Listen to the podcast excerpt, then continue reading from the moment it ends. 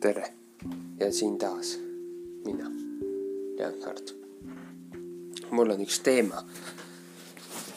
täna, tänaseks on mul üks metsast tondiga, kas söandad metsast tondiga kokku just saada, kok-, kohtuda. kas julged metsast tondiga kohtuda?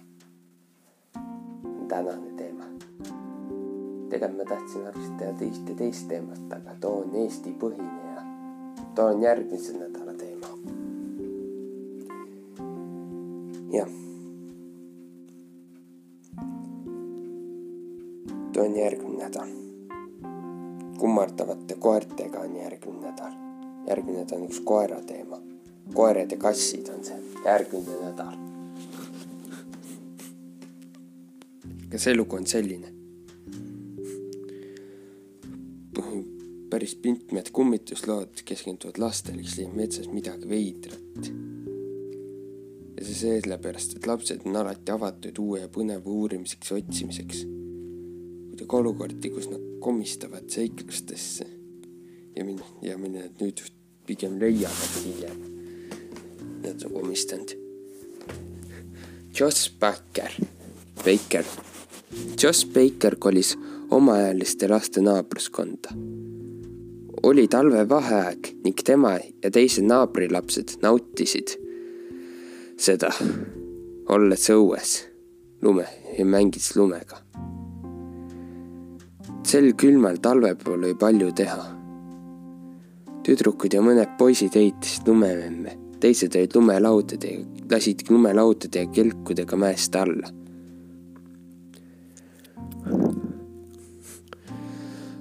kolm naab-, ühel hetkel pöördus kolm naabrimist Jossi poole, et minna uurima tema puid, puid, tema kodus olevaid puid.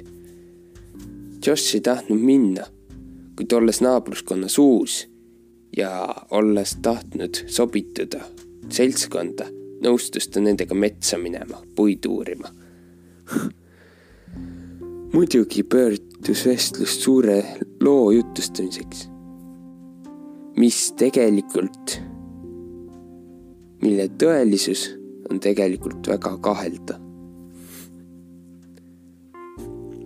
minu vanaisa ütles mulle, kui ta oli laps, alustas Angela.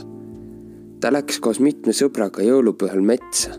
Nad otsisid kindlat karusnahapuud, kuhu iga põlvkond kooris oli oma nime raiunud, pidi oma nime raiuma.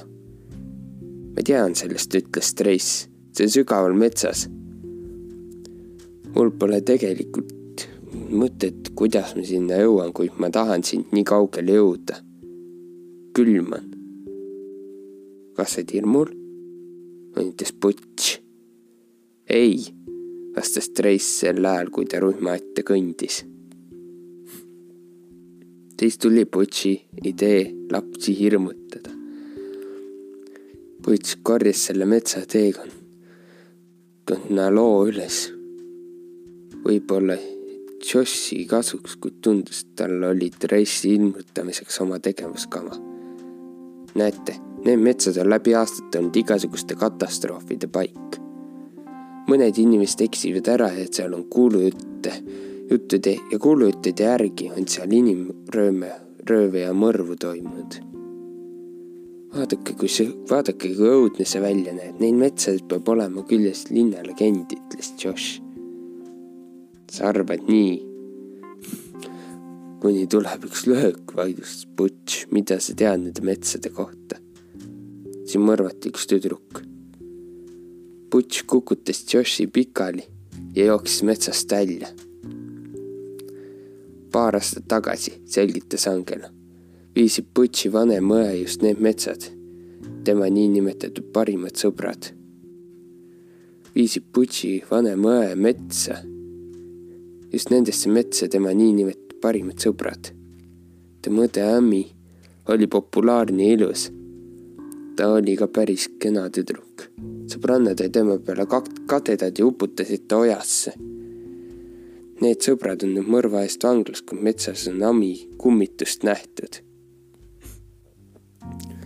vabandust, ma ei teadnud. kinnisvaramaakler mainis seda, kui maja vaatasime, see oli vist minu jaoks hoiatus, et ma ei peaks üksi metsa minema. Butch pole sellest üle saanud, ta ei pruugi sellest kunagi üle saada. Need jätkasid kõndimist sügavamale, veel sügavamale metsa. Lisaks tulid nad ühel hetkel oja äärde ja peatusid seal. Nad leidsid oja äärest puukoore sisse raiutud ja pandud karusnaha. keegi ei tahtnud sinna oma nime kirjutada. Ämi ja teised nimed olid maha kriipsutatud. enne kui Josh jõudis küsida, miks nimed maha tõmmati, nägi ta puu taga noore tüdruku kujutist. Nad kõik hakkasid metsast välja, kiiresti metsast välja jooksma. kas nägid seda, küsis Josh. noore, noore tüdruku kummitust, aa, okei okay., olge kummitust.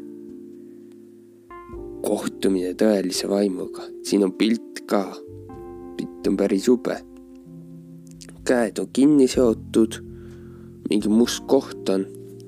kui mets ei ole igatahes. kirjutuslaud on seal taga, raamaturiiulid, iga külje peal raamaturiiulid ja käed on kinni sõetud käte ja keha vahel on, on pea, mille silmad on millegagi üle kaetud. juuksed samamoodi valged juuksed, pea on maha raiutud, verd jookseb. jube pilt on, ütleks nii. seljas on mingi neid. See polnud ämmi, ütles Trace. see oli proua Clarksoni kummitus, proua Clarkson, okei okay ta elas varem Clevelandi vanas majas. Clevelandi vanas. ta kohtus metsas oma poissõbraga, kuid abikaasa jälgis teda ja tappis nad mõlemad. härra Clarkson saadeti kriminaalse hullumeelsesse asutusse, hullumajja saadeti. Ta vabastati mõni aasta tagasi ja oli peamine kahtluslane Butši jõe mõrvas. tavaliselt ei eksitada metsas.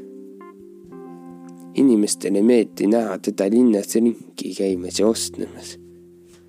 ta saab suurema osa toidukaupadest sealt kätte. Josh ei teadnud, miks teda valdab, kuid tahtis minna härra Clarksonile külla.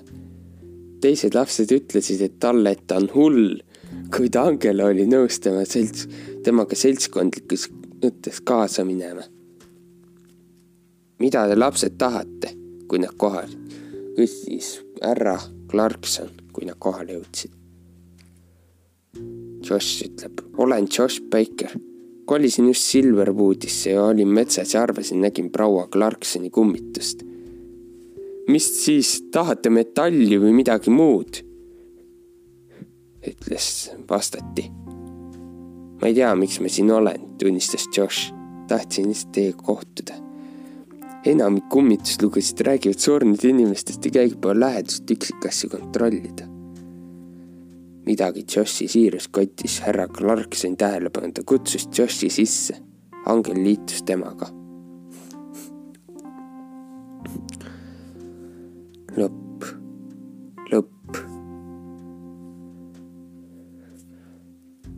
Saa olla friigid, et on tavaline kutt, kellel oli truudsetu naine ma maksin toime pandud kuriteost ja inimesed tuletas mulle iga päev meelde, et ma pole siia oodatud. vist tegi kogukond mulle teene ja jättis mind kõrvale. tule minu kabinetti, ütles härra Clarkson.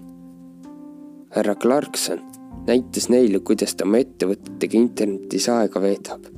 Vahepeal töötab ta välja tarkvara, mida ettevõtted saavad kasutada. ta oli täiesti ise õppinud. ta inspireeris Joshi ja Angelat et ka nemad võiksid teha mida iganes nad soovivad. Nad ei pidanud ootama, võiksid praegu teha täpselt seda, mida tema teeb. kõige parem on, kui nad leiavad, mis on nende jaoks parim. siis, kui Josh ja Angela lahkusid, siis härra Clarkson ei kutsunud tagasi ega teinud, ei, ei neil vabata, ei abistanud neid vabatahtlikult ta ei julgustanud neid aitama tal oma mainet puhastada, samuti ei hoolinud ta sellest, mida teised arvasid. kui ta endale ise uue elukoha, töö ja kõik. põhimõtteliselt uue elu lõi. ta soovis, et asjad oleksid juhtunud teisiti. jah, jah. kuid ta võttis oma karistuse vastu ja läks sellest ka eda-, läks sellega edasi, kaugemale. selline lugu siis ühest tondist, härra Clarksonist ja angelatest. seekord angelast ja veel mingit lastest. võib, no ma lõpetan. tšau.